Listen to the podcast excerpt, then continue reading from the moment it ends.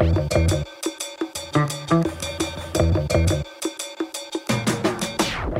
U nog vertrouwen in onze politici? Na drie overlegcomité's in drie weken tijd groeit het gemor over het zwalpende coronabeleid. En volgens een peiling van HLN en VTM zouden bijna alle regeringspartijen stemmen verliezen als er nu verkiezingen waren. Waar liep het mis voor Vivaldi? Hoe doen onze politici het in vergelijking met andere landen? En valt dat vertrouwen in de politiek nog te redden? Ik praat erover met mijn hoofdredacteur Bart Eekhout.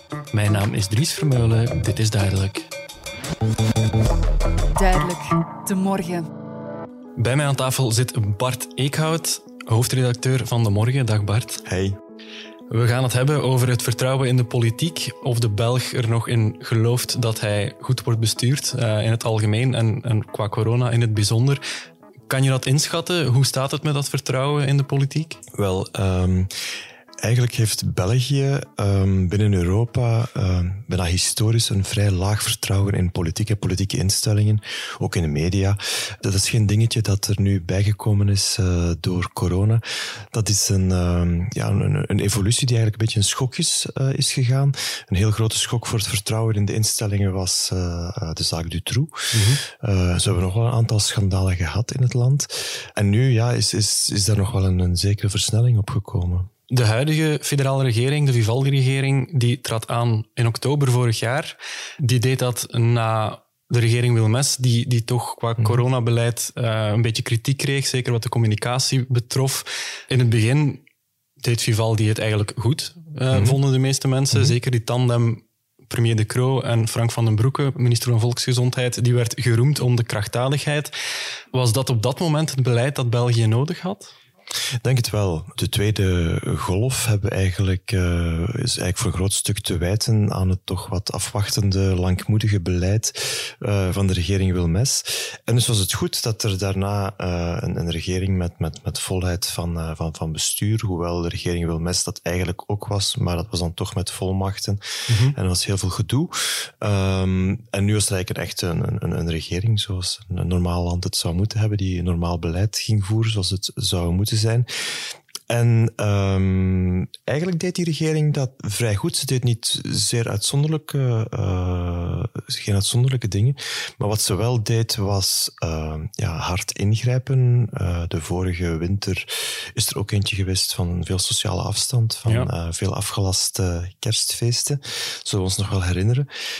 maar eigenlijk de, heeft de bevolking um, dat vrij goed aanvaard, omdat mensen wel begrepen dat het ernstig was en dat je dan beter een kapitein met een stevige hand uh, aan, het, uh, aan het roer kunt hebben. Ja, de, de premier en de minister van Volksgezondheid, Frank van den Broeke, waren op dat moment zelfs in de polls de meest populaire politici van het land, mm. ondanks de toch vrij strenge maatregelen. Mm -hmm.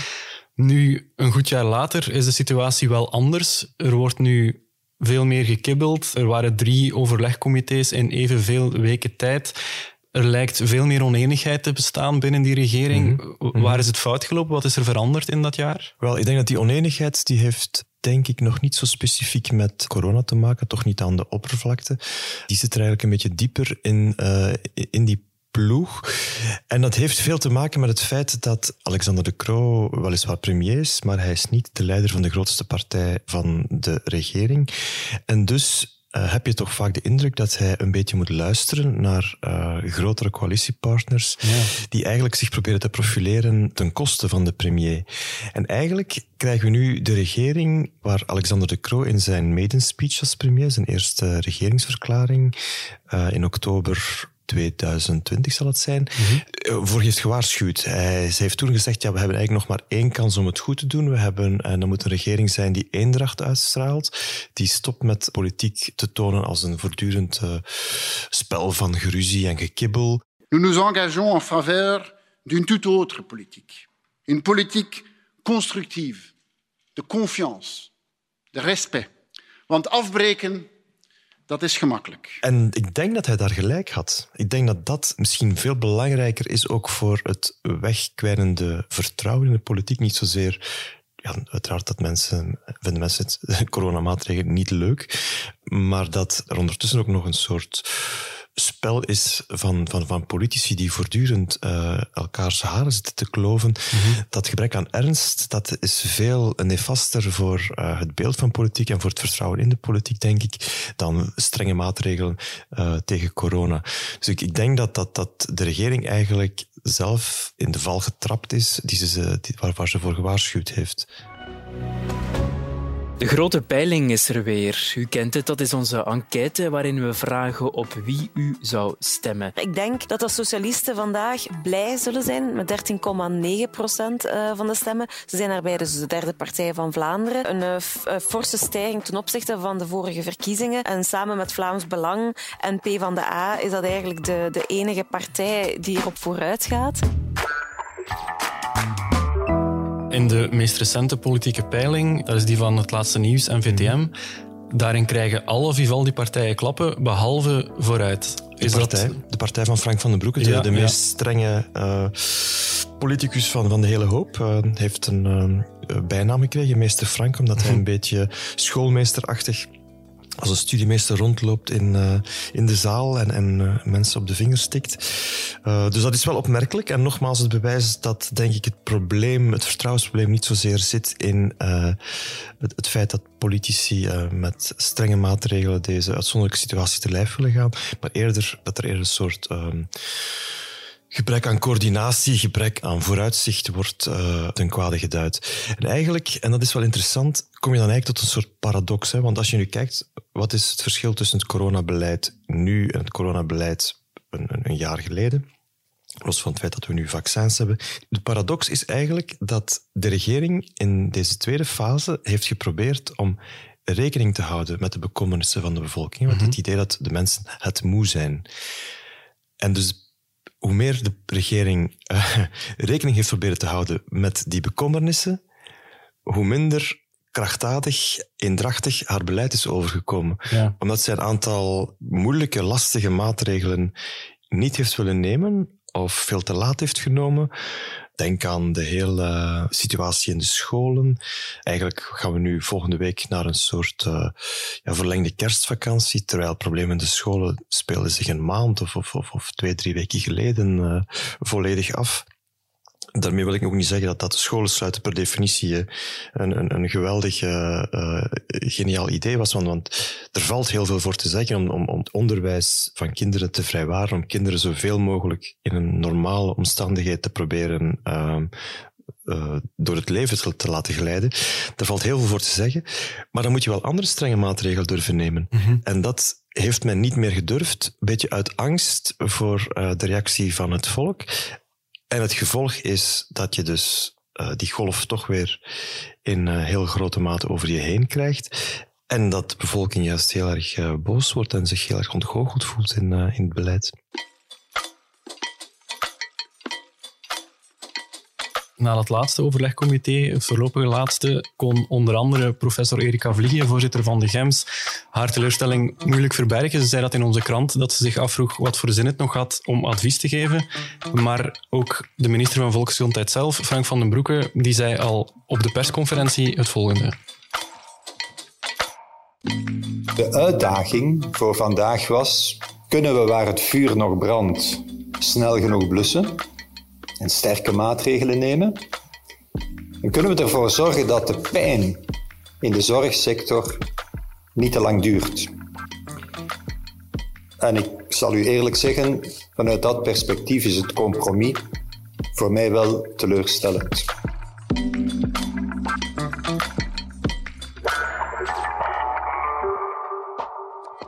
Als lid van de regering al tijdens de persconferentie zeggen: Ik vind dit compromis eigenlijk teleurstellend. Is dat wel verstandig als het vertrouwen in de politiek al op een laag pitje staat? Het heel eenvoudige antwoord is nee.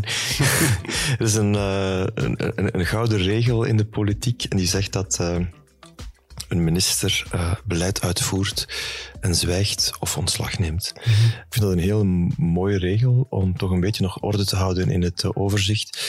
Het is heel erg moeilijk om, om, om, om uit te leggen aan mensen dat een beleid dat om 11 uur wordt uh, voorgesteld aan, aan de bevolking, om vijf na elf door de minister die het beleid mee moet uitvoeren, zegt, oh ja, ik, vind het, ik zie het eigenlijk niet zitten.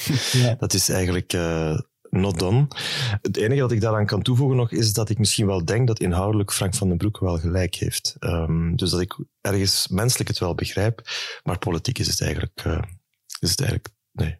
Mm -hmm. geen, was het geen goed idee om dit te doen. Het is ondertussen geen geheim meer dat, uh, dat minister Van den Broeke soms wat alleen lijkt te staan in die regering. Mm. Rick van Kouwelaert, politiek commentator, die zei in Knak, ik zie Frank van den Broeke nog opstappen. We hebben pas nieuwe verkiezingen in 2024. Corona, we zijn daar voorlopig nog niet van af. Bestaat de kans dat deze ploeg de eindmeet niet haalt?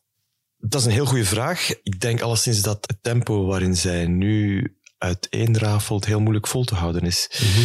Um, en dan moeten we toch vooral kijken naar de partijen die aan de Franstalige kant uh, zichzelf eigenlijk profileren ten koste van die regering. Hè. Dan de MR met uh, voorzitter Georges-Louis Boucher, maar ook wel de PS die uh, heel rare bokkensprongen maakt, die akkoorden goedkeurt in het kernkabinet van de, van, van de regering. En dan vervolgens telefoon naar de partijvoorzitter Paul Magnet, die zegt nee, we gaan dat toch niet doen.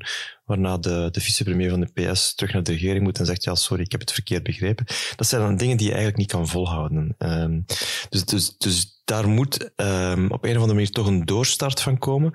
Anders wordt het een heel erg pijnlijke, pijnlijke zit. En is eigenlijk het enige argument om samen te blijven dat een, een vervroegde regeringsval tot een ongeziene, denk ik, uh, woede in de regering, uh, in de bevolking zal leiden. En dat er dus een afstraffing in de stembus mag gevreesd worden. Maar dat als enige bindmiddel is wel een beetje mager. Dat is een beetje, um, als ik de vergelijking mag maken, samen blijven in een gezin voor de kinderen. Uh, je houdt dat even vol, maar op, het, op een bepaald moment ontploft de zaak dan toch. En dan zijn de brokken vaak uh, uh, heel, heel erg groot en heel erg pijnlijk. Dus ik denk dat dat op een of andere manier Alexander de Croo een tweede adem zal moeten vinden, gezag zal moeten verwerven ten aanzien van de, de, de, partijvoorzitters, vooral in uh, Franstalig België. En hen toch ook uh, um, het zal moeten proberen maken dat zij geen enkel belang hebben bij het uh, laten exploderen van deze regering. Er wordt gezegd dat Georges-Louis Boucher zelf al zijn oog heeft laten vallen op het volgende premierschap. Mm -hmm. dat zou heel goed kunnen. de man is daar zeker toe in staat. Maar ik denk, als dat zijn ambitie is en hij probeert die waar te maken door de regering uh, meteen uh, voetje te lichten, dat hij een soort eenoog wordt in een, een land van blinden, dat hij uh, koning wordt van een verwoest land.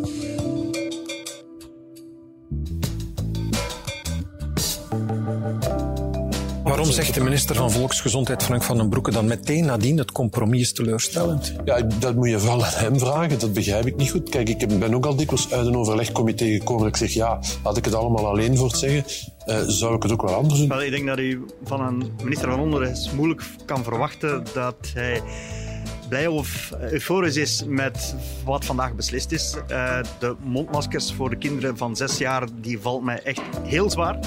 Ja, we zitten natuurlijk in België ook met die complexe staatsstructuur, met die verschillende niveaus. Bart de Wever, voorzitter van de NVA, die zei vorig jaar al, we gaan Vivaldi kapot maken. Op Vlaams niveau is NVA de grootste regeringspartij en moet ze eigenlijk samenwerken met het federale niveau, onder andere voor het coronabeleid. Zit daar ook een beetje het probleem dat, daar, dat, dat de NVA Vivaldi wat dwars zit? Ja, als je, als je nog, eens kijkt naar die peiling van vorige week, dan zie je, uh, er wordt heel veel aandacht besteed zoals altijd aan de gevolgen voor de federale regering. Maar eigenlijk zijn de gevolgen voor de, de, de Vlaamse regering minstens even groot. Want de NVA, oppositiepartij, federaal, maar belangrijkste partij in de Vlaamse regering, doet het eigenlijk zelf ook vrij slecht. Zij verliest een vijftal procenten. Dat is eigenlijk een stabiele koers sinds, uh, sinds de verkiezingen. Ja. Dat is toch een vrij forse tik die al komt op een verkiezingsnederlaag. En die er eigenlijk toe leidt dat, dat de Vlaamse regering dus virtueel geen meerderheid meer zou hebben.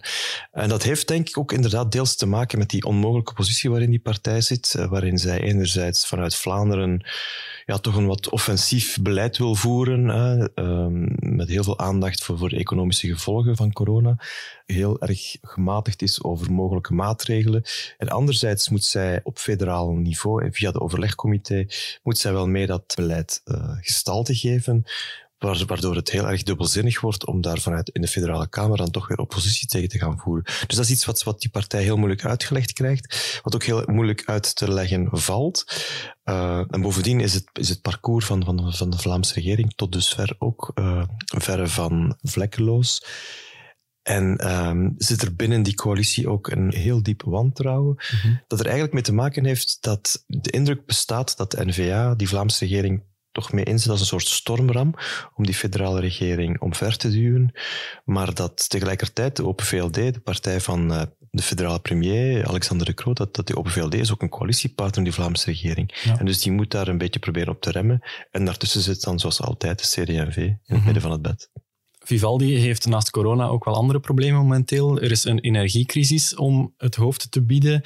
Het spel rond de kernuitstap wordt in die context momenteel heel hard gespeeld. Schaadt dat ook mee het vertrouwen in de politiek? Ja, absoluut. absoluut. Um, eigenlijk heeft die kernuitstap niks te maken met de explosie uh, van, van de energiefacturen.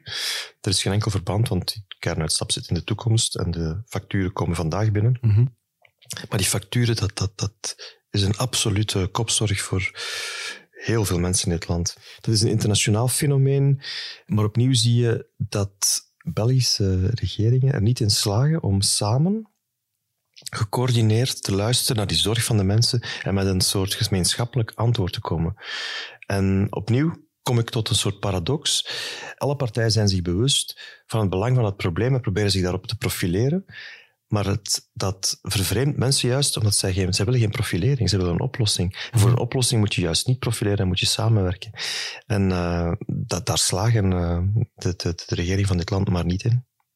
Nee, als we het eens even vergelijken met andere Europese landen. In Nederland hebben ze nu eindelijk een regering, maar het vertrouwen in de politiek staat daar volgens alle enquêtes bijzonder laag.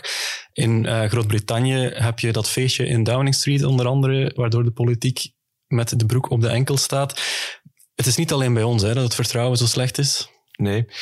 Je zou zelfs kunnen zeggen dat bijvoorbeeld in Nederland de polarisering veel harder, veel agressiever gaat dan bij ons. Mhm. Mm -hmm. We hebben hier een aantal, als we dan terug naar corona komen, we hebben hier een aantal ja, harde betogingen gehad tegen het coronabeleid, maar eigenlijk valt dat allemaal nog wel mee. Uh, in Nederland uh, zijn er echt regelrechte uh, rellen en opstanden geweest en, en, en, blijft er ook een heel erg politiek aanwezige onderlaag van radicaal verzet tegen het coronabeleid, maar zelfs tegen vaccins. Dat is bij ons toch echt nog heel erg marginaal, zeker als het dan gaat over de, het antivax. Dus dat is wel een andere situatie. Uh, maar wat je bijvoorbeeld daar inderdaad ziet, en, uh, als je kijkt naar wat er in Engeland gebeurt, dat is wel een heel erg uh, extreem geval van politici die een beetje bezig zijn met zichzelf en minder met de zorgen van de mensen. Maar eigenlijk de woede die, die uit dergelijke incidenten voorkomt, is wel iets wat je overal ziet. Namelijk dat idee dat politici onvoldoende uh, naar dergelijke grote crisis kijken vanuit het standpunt van hun kiezers, vanuit het standpunt van waar, waar zijn mensen uh, mee bezig, waar liggen mensen van wakker. Daar wordt uh, denk ik onvoldoende mee rekening gehouden.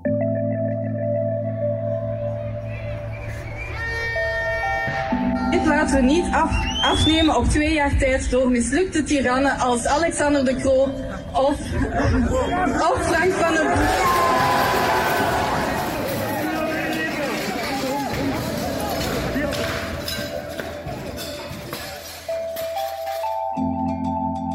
Op 21 november, zondag 21 november, kwamen in Brussel 35.000 mensen ongeveer op straat om te betogen, officieel tegen de coronapas, maar eigenlijk tegen alle coronamaatregelen in het algemeen. Er zijn sindsdien nog meer betogingen geweest. We gaan even luisteren naar communicatiewetenschapper Nathalie van Raamdonk van de VUB. Die zei daarover dit in de afspraak. Ik denk dat het heel belangrijk is om te blijven zien dat die groepen heel divers zijn. Die komen vanuit verschillende motieven, vanuit verschillende objectieven. Um, sommige al legitiemer dan de andere, maar bijna allemaal wel uh, ja, onderbouwd met ja, misinformatie, argumenten die eigenlijk niet wetenschappelijk uh, gebouwd zijn. En wat we nu heel erg zien, is dat dat dan eigenlijk voor een groot stuk aanleunt bij een anti-autoriteitsdenken, mm -hmm. uh, anti-overheid, gewoon voor het doel van anti-overheid te zijn. En dat leunt heel erg aan bij extreemrechtse um, denken en sentimenten. Dus voor een stuk is, zijn die bij elkaar verworven vanuit gedeelde sentimenten. En extreemrechts maakt daar dan ook voor een stuk gebruik van, van die onrust, van uh, die ontevredenheid, om dat in te zetten en het beleid mee te ondergraven. Ja. Als er 35.000 mensen op straat komen, dan zijn dat niet allemaal Vlaams Belang-aanhangers. Maar het is toch niet denkbeeldig dat extreem rechts hier garen bij spint bij dit coronabeleid? Nee, omdat ehm, extreme partijen eigenlijk fungeren uh, met een techniek van, van sleepnetten. Dus zij, zij, zij gaan kijken wat er op de bodem van de samenleving, ik bedoel dat niet negatief of niet denigrerend ten opzichte van de sentimenten die daar aanwezig zijn, bedoel ik. Uh, maar zij, gaan, zij, zij, slepen eigenlijk uh, al dat ongenoegen uh, op. En eigenlijk maakt het niet zoveel uit waarop dat, dat ongenoegen zich fixeert. Ik denk dat Vlaams Belang enerzijds aanklaagt op dit moment dat er veel te veel tijd verspild wordt bij het organiseren van, van de derde boosterprik. En anderzijds toch probeert ook het op een, op een heel subtiele manier ook het, het, vertrouwen in, in, vaccinatie als dusdanig te ondergraven. En die partij wordt er eigenlijk niet op afgerekend, omdat ze natuurlijk geen enkele beleidsverantwoordelijkheid heeft. Zij worden niet afgerekend op, op tegenstellingen, op contradicties. Ze kunnen overal waar zij ongenoegen, waar ze verontwaardiging zien, kunnen zij dat uh, proberen op te slorpen. Hè. En, en zij doen dat, uh, ik denk op dit moment uh, in, in, het coronabeleid met enig succes. bijvoorbeeld hebben ze een campagne gestart tegen het dragen van mondmaskers op school voor jonge kinderen. Ja. waarmee ze eigenlijk een totaal nieuwe doelgroep aanboren van jonge ouders die uh, in, inzitten met de zorg van hun kinderen. Kinderen vinden het gewoon ook niet, helemaal niet leuk om een mondmasker te dragen. En, en het Vlaams Belang is eigenlijk de enige partij die zich aanbiedt als ze zeggen van ja, um, wij, willen, wij willen die mondmaskers weg, zonder dat zij dan, dan een oplossing bieden voor het, uh, het probleem van, van de hoge besmetting in de school. Maar ze, het wordt dan ook niet gevraagd om die oplossing te bieden. Dus mm zij komen daar heel makkelijk mee weg. Ja, we zagen ook in die peiling die stemmen die verloren worden door de meeste Vivaldi-partijen, die gaan enerzijds naar Vlaams Belang rechts en naar PvdA links. Het OCAD, het uh, orgaan dat de terreurdreiging in ons land analyseert, waarschuwde al voor die hoog oplopende emoties in het coronadebat.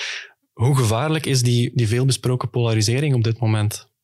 Ik ben geneigd van die toch wat te relativeren. Um, is die polarisering aan de gang? Ik denk het zeker wel. Ik heb geen onderzoeken, maar als ik in mijn eigen omgeving kijk, dan zie ik mensen die ja, hun standpunten laten verharden in het debat aan weerszijden. Ik merk het zelfs bij mezelf. Als ik even uh, op mijn ongemak ben, dan durf ik wel eens op sociale media te gaan zoeken naar uh, standpunten van antivaxers. En dan voel ik de woede in mij opborrelen. Dus of, ik, of, ik het zelf, of ik het zelf ga opzoeken. En dan moet ik toch altijd even rond de tafel gaan lopen om, en, en rustig ademen terug, om te vermijden dat ik uh, een, een of andere boze tweet ga sturen. Dus ik zie het ook aan mezelf. Ik, ik zie hetzelfde ook bij, bij andere mensen, dat de neiging om elkaar door het slijk te sleuren, uh, belachelijk te maken, dat is niet alleen een fenomeen van politici helaas, maar ook van gewoon eenvoudige mensen mm-hmm. Die elkaar treffen op sociale media. Um, dus daar zie je die, die, polarisering. Het is wel een, een, een, een, dat maakt niet per se goed, het is wel een, een mentale of een verbale polarisering de overstap naar echt uh, fysieke daden, daar ben ik al genuanceerd over. Ik hoop echt dat het zoals bij mij blijft bij uh, even kijken wat uh, die mensen die echt heel moeilijk begrijpt, denken, je voor het hoofd slaan, vloeken, even rustig ademen en terug voortgaan met de dag. Ik hoop dat, dat al die mensen, die ik, die, die, al die andere mensen die net als mij soms wel eens hard van stapel lopen op sociale media, dat die ja, ook wel gewoon brave huisvaders en huismoeders blijven in, in ja. werkelijkheid. Ja.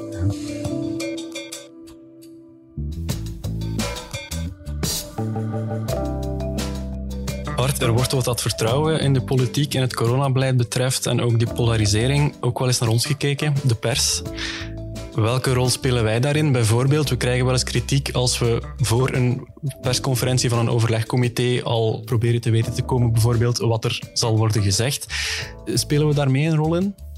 Denk ik wel. Daar moeten we niet flauw over doen.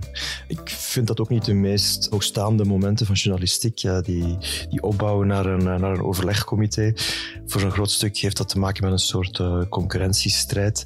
Uh, dat heel erg moeilijk maakt om daar, uh, daarvan af te stappen.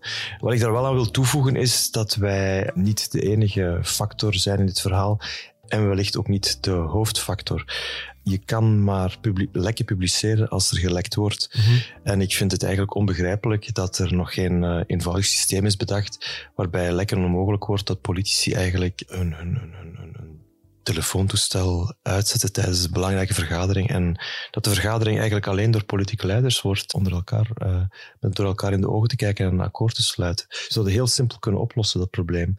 Maar ik denk in het algemeen dat dit voor media um, geen, geen makkelijke momenten zijn om, om een juiste lijn te bewaren. Er is heel veel sprake over die, de, de, de nieuwe Omicron-variant die komt aangerold dat zorgt op heel wat krantredacties, vermoed ik, uh, voor, voor dilemma's. Hè. Enerzijds wil je uh, dat nieuws brengen, wil je er verslag over uitbrengen. Anderzijds is er nog heel veel onbekend en bestaat de kans dat je wat je vandaag roept uh, morgen moet herroepen. En dus is de vraag wel, wat doen we als je erover bericht? Dan klinkt het soms alarmerend, maar als je niet over bericht, dan lijkt het alsof je dingen verzwijgt. Dus ik denk dat dat een goede, een, een goede leidraad daar is om toch zo open, transparant mogelijk verslag uit te brengen over alle informatie die je hebt. En even open en transparant te zijn als je blijkt dat later bepaalde elementen moeten genuanceerd of, of, of, of, aangepast worden. Het is geen eenvoudige taak, omdat uh, je enerzijds merkt dat mensen uh, het moe zijn, maar anderzijds kan je ook niet ontkennen dat mensen nog altijd uh, heel, heel erg bekommerd zijn en heel erg graag geïnformeerd willen worden over, over deze crisis.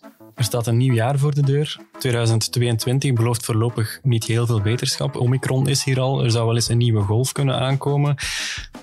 Kan Vivaldi dat vertrouwen in de politiek nog herstellen? Kunnen zeker wel. Um, zoals het altijd een beetje is gegaan met deze regering, is de strijd tegen corona omdat die zo massief is, nog een van de dingen die de federale regering een beetje bij elkaar houdt. Het is pas als het over andere thema's gaat dat de tegenstellingen echt moeilijk te controleren worden. Dus denk ik dat uh, Alexander de Croo zal moeten proberen om daar toch uh, enig gezag uh, te herwinnen. En als dat niet lukt, dan wordt het voor hem nog een, wordt het voor hem nog een lange twee, drie, twee jaar en een half. Oké, okay. Bart, dank je wel voor je tijd. U, beste luisteraar, bedank ik natuurlijk ook om erbij te zijn. Als u wenst te reageren op deze aflevering, dan kunt u dat nog altijd doen via het e-mailadres podcasts.demorgen.be. En als u geen enkele aflevering wenst te missen, dan kunt u deze podcast volgen via uw favoriete podcast-app. En dan verwelkom ik u volgende week donderdag heel graag opnieuw voor een nieuwe aflevering. Dit was duidelijk. Duidelijk. De morgen.